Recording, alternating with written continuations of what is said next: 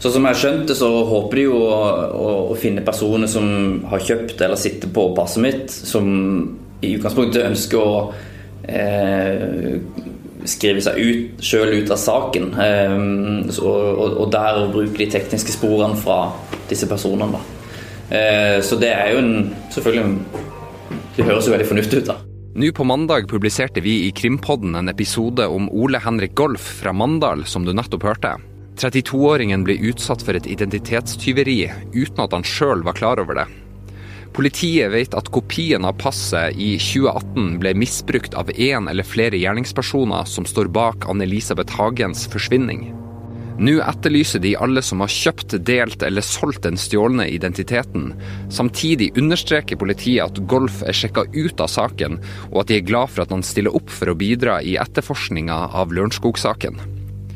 Og etter denne etterlysninga har politiet fått inn 40 tips i saken. Og i tillegg så har vi fått inn noen spørsmål fra dere lyttere. Noen av disse spørsmålene skal krimkommentator i VG Øystein Millie og jeg forsøke å svare på i dagens episode. Mitt navn er Håvard Christoffersen Hansen, og du hører på Krimpodden.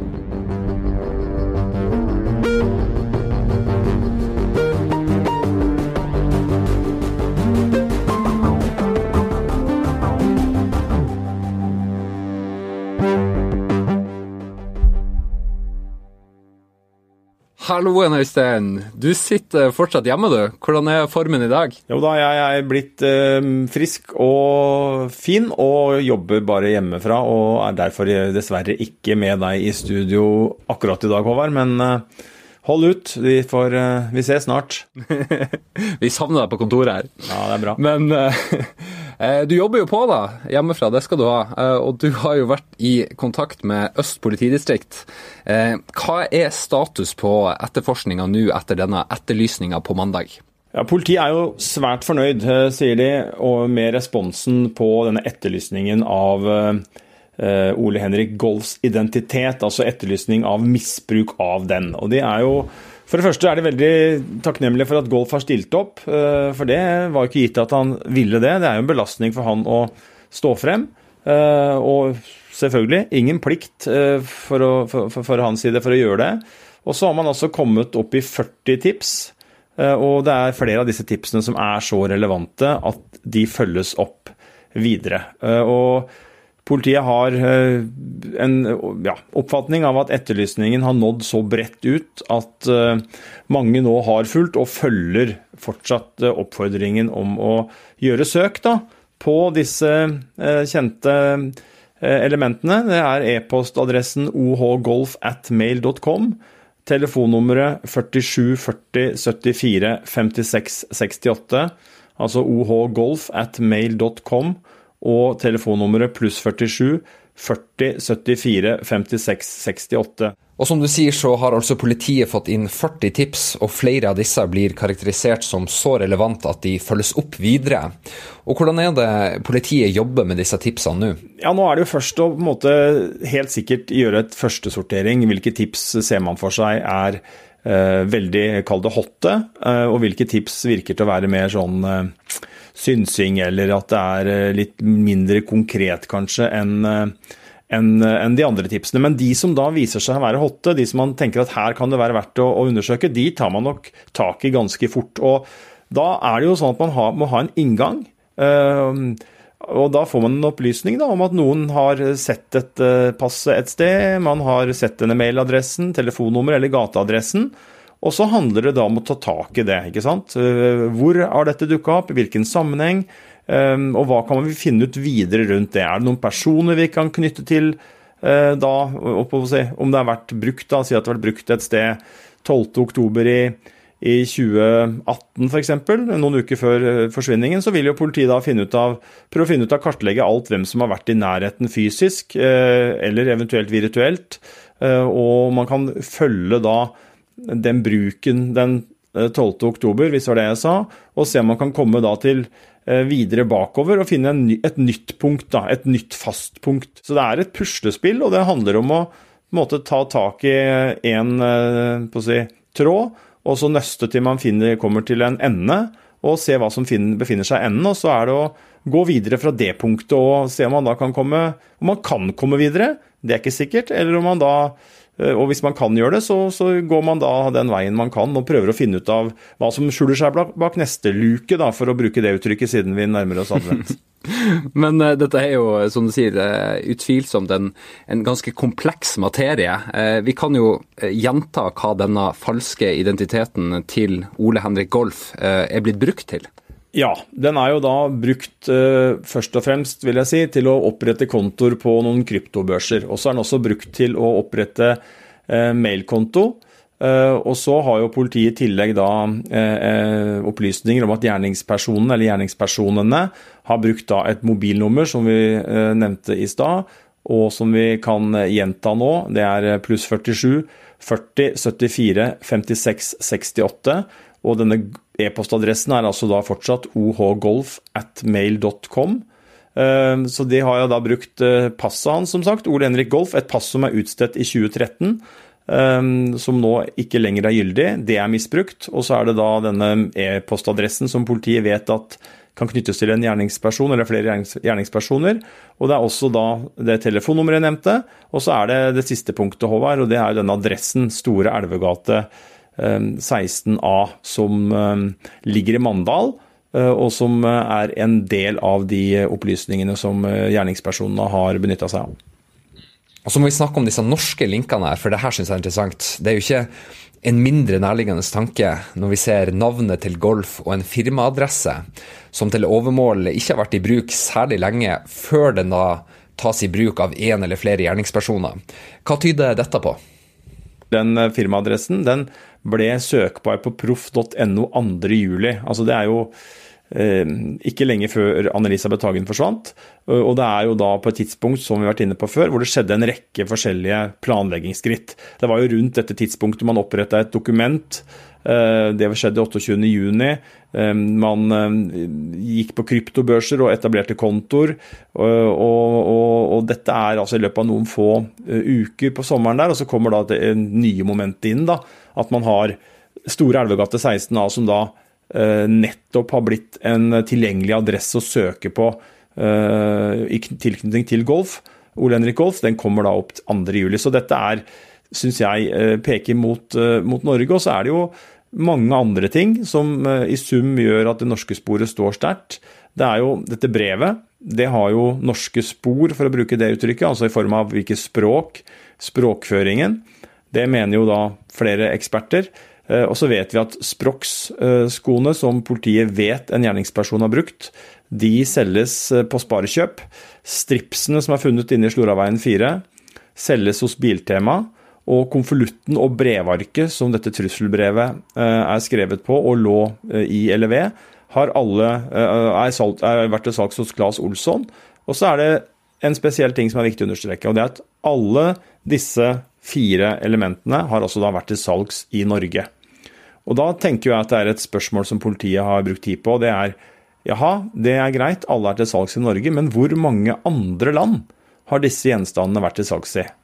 Eh, og Jeg har ikke klart å finne ut av nøyaktig hvor mange det er, men det jeg har fått eh, forståelse av, er at det er ganske få. Og Det peker jo også mot Norge, for det er jo sannsynlig at disse tinga er kjøpt eh, kanskje av samme person, og at man ikke har drevet og shoppa rundt i verden, men man har gjort det i samme land. og det er spesielt da, at disse, eh, alle disse gjenstandene ikke bare er til salgs i Norge, men også er å få kjøpt i bare noen kilometers omkrets rundt åstedet. Mm. Og så har vi fått litt opplysninger om dette Sprox-sporet som viser at det er solgt 459 sko i størrelse 45 mellom 2016 og 2018 fra Sparkjøp. Eh, og 79 av disse er betalt eh, kontant, og det gjør det jo eh, gjerne vanskeligere å spore, da.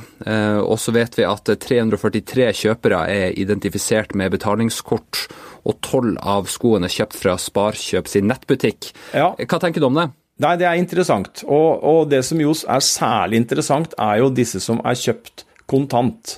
Uh, og det er 79 av dem uh, som er kjøpt kontant. Og det kan jo være sånn at løsningen på hvem som har kjøpt uh, de språkskoene som var i Sloraveien 4, at det kan være kjøpt med kort. Det kan være at noen har stjålet et bankkort. Det kan være at noen har kjøpt noen sko for noen og ikke har skjønt rekkevidden av det. Men der tar man jo da en risiko. ikke sant? Hvis du har kjøpt et par Sprox-sko til meg, og jeg har brukt de, så vil jo du fort kunne si det til politiet eh, om du ble oppsøkt. Så der ligger det en ganske betydelig risiko. Så jeg tenker jo at eh, det er disse kontantkjøpene som er mest interessante. Og det at man har 79 sånne kjøp, eh, det er jo et antall som jeg syns er ganske lavt. Eh, og så vet vi jo ikke noe om hvordan politiet, hvor langt de har kommet, og hva de har gjort, og hvilke konklusjoner de har trukket rundt disse kjøpene. Men det er klart at her er det også et potensial for å kunne nærme seg eh, både steder hvor disse er blitt solgt, og kanskje også personer. Um, og så er det jo litt tilbake igjen til dette språk, uh, språkrapporten. Um, så syns jeg det er interessant å minne de som hører på oss om noe vi snakka om i fjor. For da hadde vi språkeksperter inne og så på dette, dette brevet. Um, og det jo, det, og det skjedde på et tidspunkt hvor politiets første språkeksperter de hadde jo pekt på at det var muligens utenlandsk opprinnelse, den som hadde skrevet dette brevet. Eh, og så har politiet innhenta nye sakkyndige som har eh, kommet til motsatt konklusjon, nemlig at det peker i retning av Norge. Men de språkekspertene vi snakka med på det tidspunktet, de sa at det var uh, i retning Norge. Og de sa noe som var, i hvert fall den ene av dem, sa noe som jeg syns var svært interessant. Og det er at hun så både på brevet og på disse mailene som er sendt til Tom Hagen i ettertid. Og hun mente jo at det var elementer i brevet, språklig, som ikke dukka opp igjen i mailene. Så sånn jeg leste henne, så pekte hun i retning av at uh, hun så for seg at det kunne være flere bidragsytere inni brevet, altså flere forfattere. Mens det kanskje da bare er én som har bidratt, uh, og at du bare finner igjen deler av det språklige, kall det DNA-et, i disse mailene. Så, så, det er i hvert fall en sånn uh, et, et av veldig, veldig mange interessante elementer i denne saken. Så hvis jeg skal forsøke å tolke deg da, Øystein, så mener du at det er god grunn til å tro at det er nordmenn som står bak denne forsvinninga? Ja, jeg eh, tenker jo det. Eller i hvert fall at det er nordmenn som er involvert. Og så vet vi ikke om det er to eller tre eller fire eller fem eller hvor mange det er. Det eneste jeg er ganske sikker på, er at det ikke er bare én person her. Det syns jeg virker ganske opplagt. Tom Hagen ble i fjor vår pågrepet og sikta for drap eller medvirkning til drap på sin egen kone. Han ble løslatt etter ti dager i varetekt, og nekter i hver befatning med hennes forsvinning.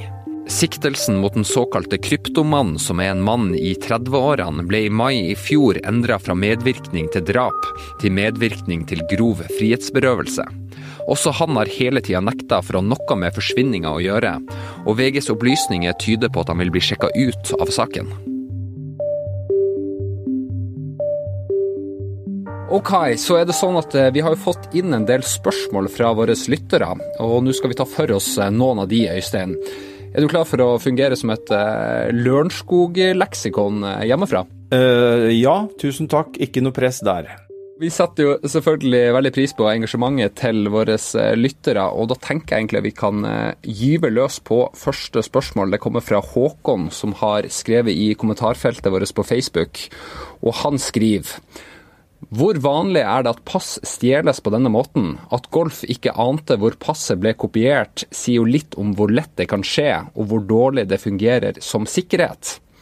Og eh, Øystein, hvis vi har lært noe av dette, så er det vel at det er nokså vanlig at pass og andre former for identitetsbevis blir stjålet, eh, og at det blir solgt på det mørke nettet. Og det er jo flere som får sin identitet misbrukt, øh, og de får heller aldri vite om det. Ja da, det er et uh, omfang på dette her som er, uh, er ganske stort. Uh, det er jo sånn at man vet at det bl.a. selges såkalte ID-pakker på det mørke nettet. Da får du rett og slett Da kjøper du for en sum en hel haug med ID-er, og da er det ikke sikkert du vet engang hvilke ID-er du har kjøpt. og noe av det politiet har etterlyst i denne sammenheng, som vi jo kan gjenta, er jo at bl.a. de som har kjøpt sånne ID-pakker hvor du har fått kanskje mange tit eller flere titalls ID-er, går igjennom og ser om Ole Henrik Golfs identitet ligger der. For det er jo ikke sikkert du har oppdaga hvis du har benytta eller ikke benytta uh, noen ID-er, så bør du ikke ha benytta akkurat hans uh, identitet. Um, og så er det jo sånn da at uh, Ole Henrik Golf han visste jo ingenting om dette her. Um, han har vært mye ute og reist, og han har bodd på ulike ja, overnattingssteder rundt om i verden av kanskje litt ulik kvalitet. Og så kan det godt hende at det er et helt vanlig hotell hvor dette har skjedd. Det holder jo bare at det er en utro tjener som sikrer seg da en kopi av dette passet. Og alle som har vært ute og reist, vet jo at vi fortsatt må, i en del tilfeller i hvert fall, Eh, innlevere passet når vi f.eks. er bo på et hotell. Og det er klart at da hvis noen misbruker den kopien, så, så, kan det på en måte ende sånn som det er gjort med, med golf. Mm, ja, jo mer man er ute på reise, jo mer utsatt er man jo for denne type ID-tyverier. Uh, og vi har jo fått inn et spørsmål på Facebook fra ei som heter Ida, og hun skriver Vet man hvor dette kontantkortet som var knyttet til telefonnummeret, var i den aktuelle perioden? De som skulle bruke dette nummeret, må jo ha hatt tilgang til et kontantkort som ennå ikke var i bruk, og samtidig visst at det ikke kom til å bli tatt i bruk på en god stund. Kan det være noen som jobber et sted der de selger kontantkort? Altså Det der er et utrolig godt spørsmål fra Ida, og det er en av de tinga som jeg har gått og gnagd på i dagevis. For det der er en gåte. Eh, og det hun spør om er eh, midt i kjernen av det jeg også tenker rundt det. fordi at man kan jo tenke seg at du har kjempeflaks, og at du tar et telefonnummer eh, som du tenker at dette må jeg oppgi. Men det kan jo tilhøre si, hvem som helst og være til hva som helst. Eh, og da at du skal ha så flaks at du kommer til et kontantkortnummer som da ligger ute til salgs. Ja, folk vinner i Lotto, så selvfølgelig er det mulig. Men når man ser hvordan ellers denne saken her er rigga, så vil jeg ikke tro at gjerningspersonene tok en sånn sjanse. Og Derfor så heller jeg mot at det er mer snakk om at noen har funnet ut det, eh, og hvordan det har skjedd.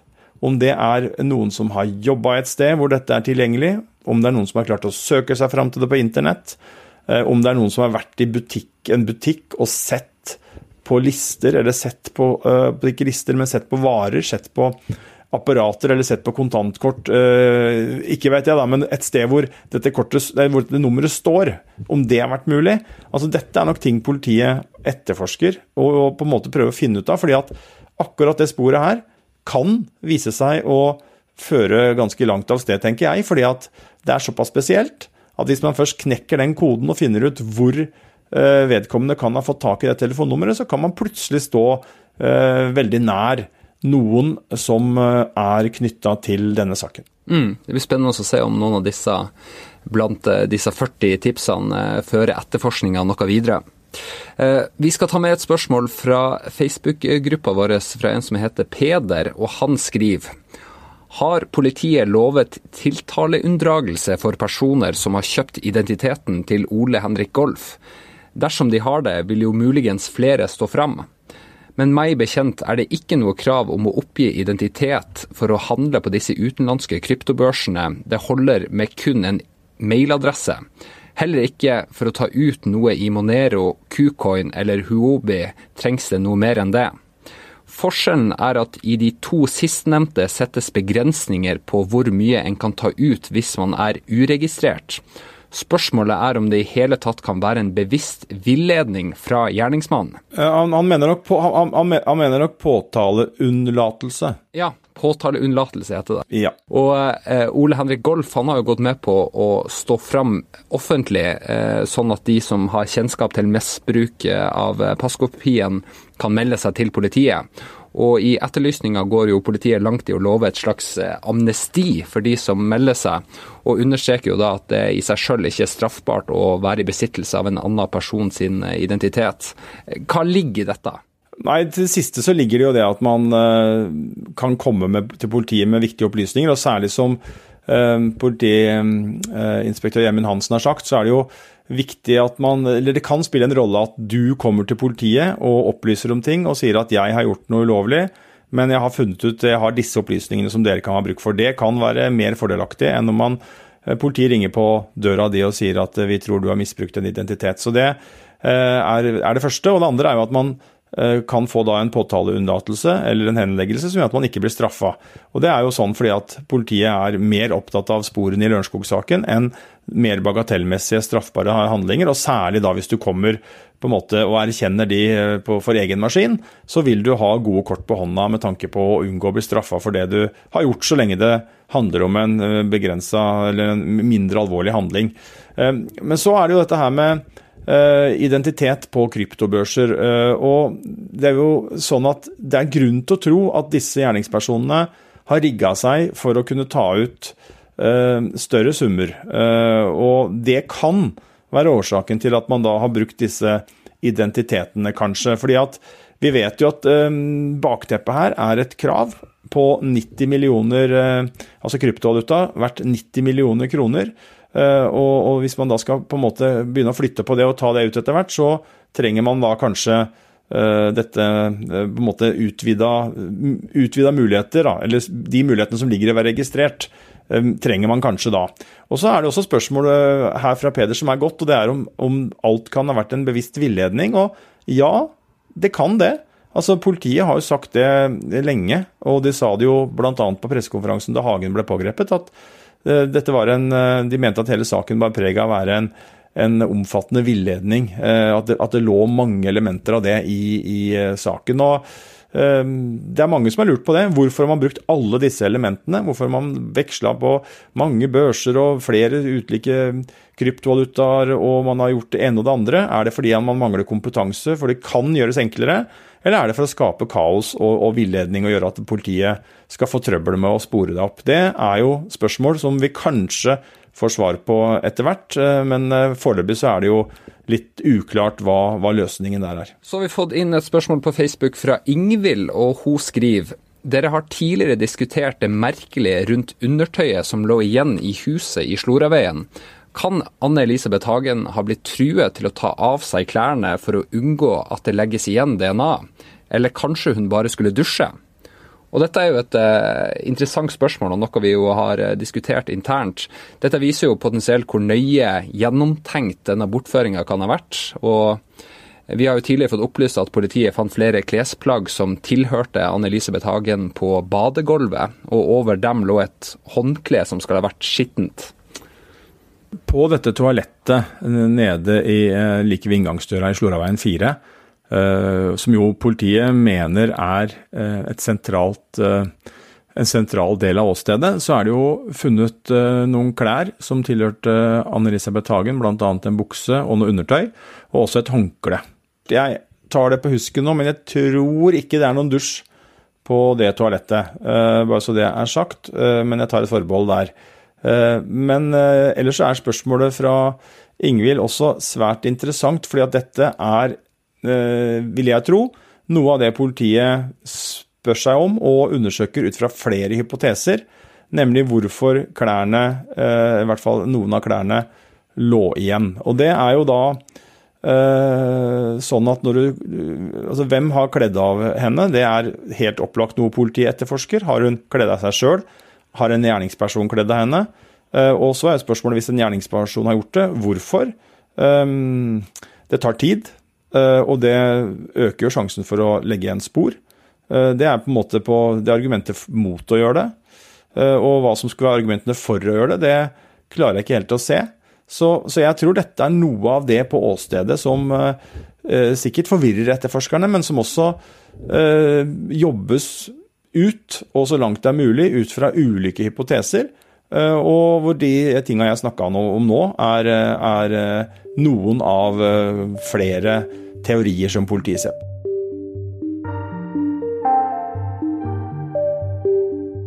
Og der satt jeg da i mm, avhør i rundt ja, seks-syv timer. Og Fikk ikke vite hva saken handler om. Jeg fikk vite at det var tidssensitivt, at det handla om, om, liv og død. Så jeg, jeg skjønte jo at det var en eller annen alvorlig sak, men jeg skjønte jo ikke hvilken, og jeg skjønte jo heller ikke min innblanding i eh, hvordan all verden hva, hva er dette her for noe. Eh, og så er det jo sikkert eh, mange som lurer på hvorfor politiet går ut med denne informasjonen nå. Eh, og man kan jo skjønne at det kan oppleves belastende å stå fram offentlig og bli knytta til en av Norges største kriminalsaker, som jo Ole Henrik Golf nå har gjort. Men likevel så er det jo det er et godt spørsmål. Golf ble jo kalt inn til avhør den 6.12. i 2018, noe som betyr at Politiet jo har sittet med disse opplysningene i lang tid. Hvorfor kommer dette nå? Nei, Det tror jeg er nøye planlagt, og dette er jo eh, etterforskningstaktisk. Eh, man kan jobbe en periode skjult, holdt jeg på å si, i den forstand at man ikke flagger for offentligheten hva man sitter på, og gå opp alle de sporene som kan gjøres uten at man da går ut med en etterlysning. Og så har man fått gjort det og sikra de bevisene som følger av en sånn operasjon. Og så kan man komme til et punkt hvor man tenker at nå er vi en, ønsker vi å gå inn i en ny fase. Og da har jo spørsmålet i denne situasjonen har vært om én, uh, Ole Henrik Golf ønsker å bidra til å gå ut offentlig, ellers så tror jeg ikke politiet hadde blåst navnet hans. Uh, og to, uh, når er det fornuftig å gjøre det? Og så har man da falt ned på at det er nå, og det er som sagt ikke tilfeldig. Og så er det sånn at politiet vet garantert mye mer enn det de sier nå. Det er ikke sikkert vi får vite alt rundt ei eller rundt dette sporet. Det kan hende man sitter på opplysninger knytta til både bruk og kjøp og misbruk og uh, alt det måtte være rundt disse elementene. Men det, uh, det, har man jo ikke noe behov for å snakke om i så fall. Og Derfor så er det da en etterlysning som er veldig sånn spissa inn mot det politiet ønsker tilbakemeldinger om.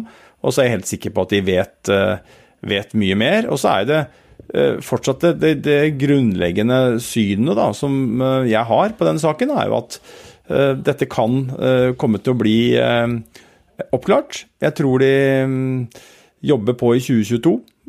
jeg tror politiet er optimistiske uten at det er noen sånn urealistiske forventninger i det. Jeg tror de har reelle grunner til å tro at de skal lykkes. Så Eh, høres kanskje det litt utrolig ut når man går inn i det fjerde året, eh, men, men dette viser seg jo å være en veldig veldig avansert sak med mange elementer. Og jeg syns jo det som kommer fram rundt pass og identiteten nå, det er jo bare en del av saken. Men når du ser hvor mange, hvor sammensatt hvor mange elementer det består av, bare det sporet, så skjønner man jo kanskje da enda bedre hvorfor dette tar så lang tid. Har du informasjon du vil dele med politiet om denne saken, så kan du ringe politiets tipstelefon på 64 81 95 99. Ådne Husby Sandnes, Gordon Andersen, Morten Hopperstad og Vilde Elgåen har bidratt med journalistikken til denne episoden. Produsent for Krimpodden er Vilde Worren. Krimkommentator Øystein Milli var som vanlig med. Og mitt navn er Håvard Christoffersen Hansen. Ronny Fyrvik har laga musikken, og vi har også brukt musikk fra Epidemic Sound. Isak Egge Brønseth har redigert denne episoden. Krimsjef i VG er Marianne Vikås Tofthagen, og ansvarlig redaktør er Gard Steiro. Vi er tilbake med en ny episode på torsdag. Vi høres da.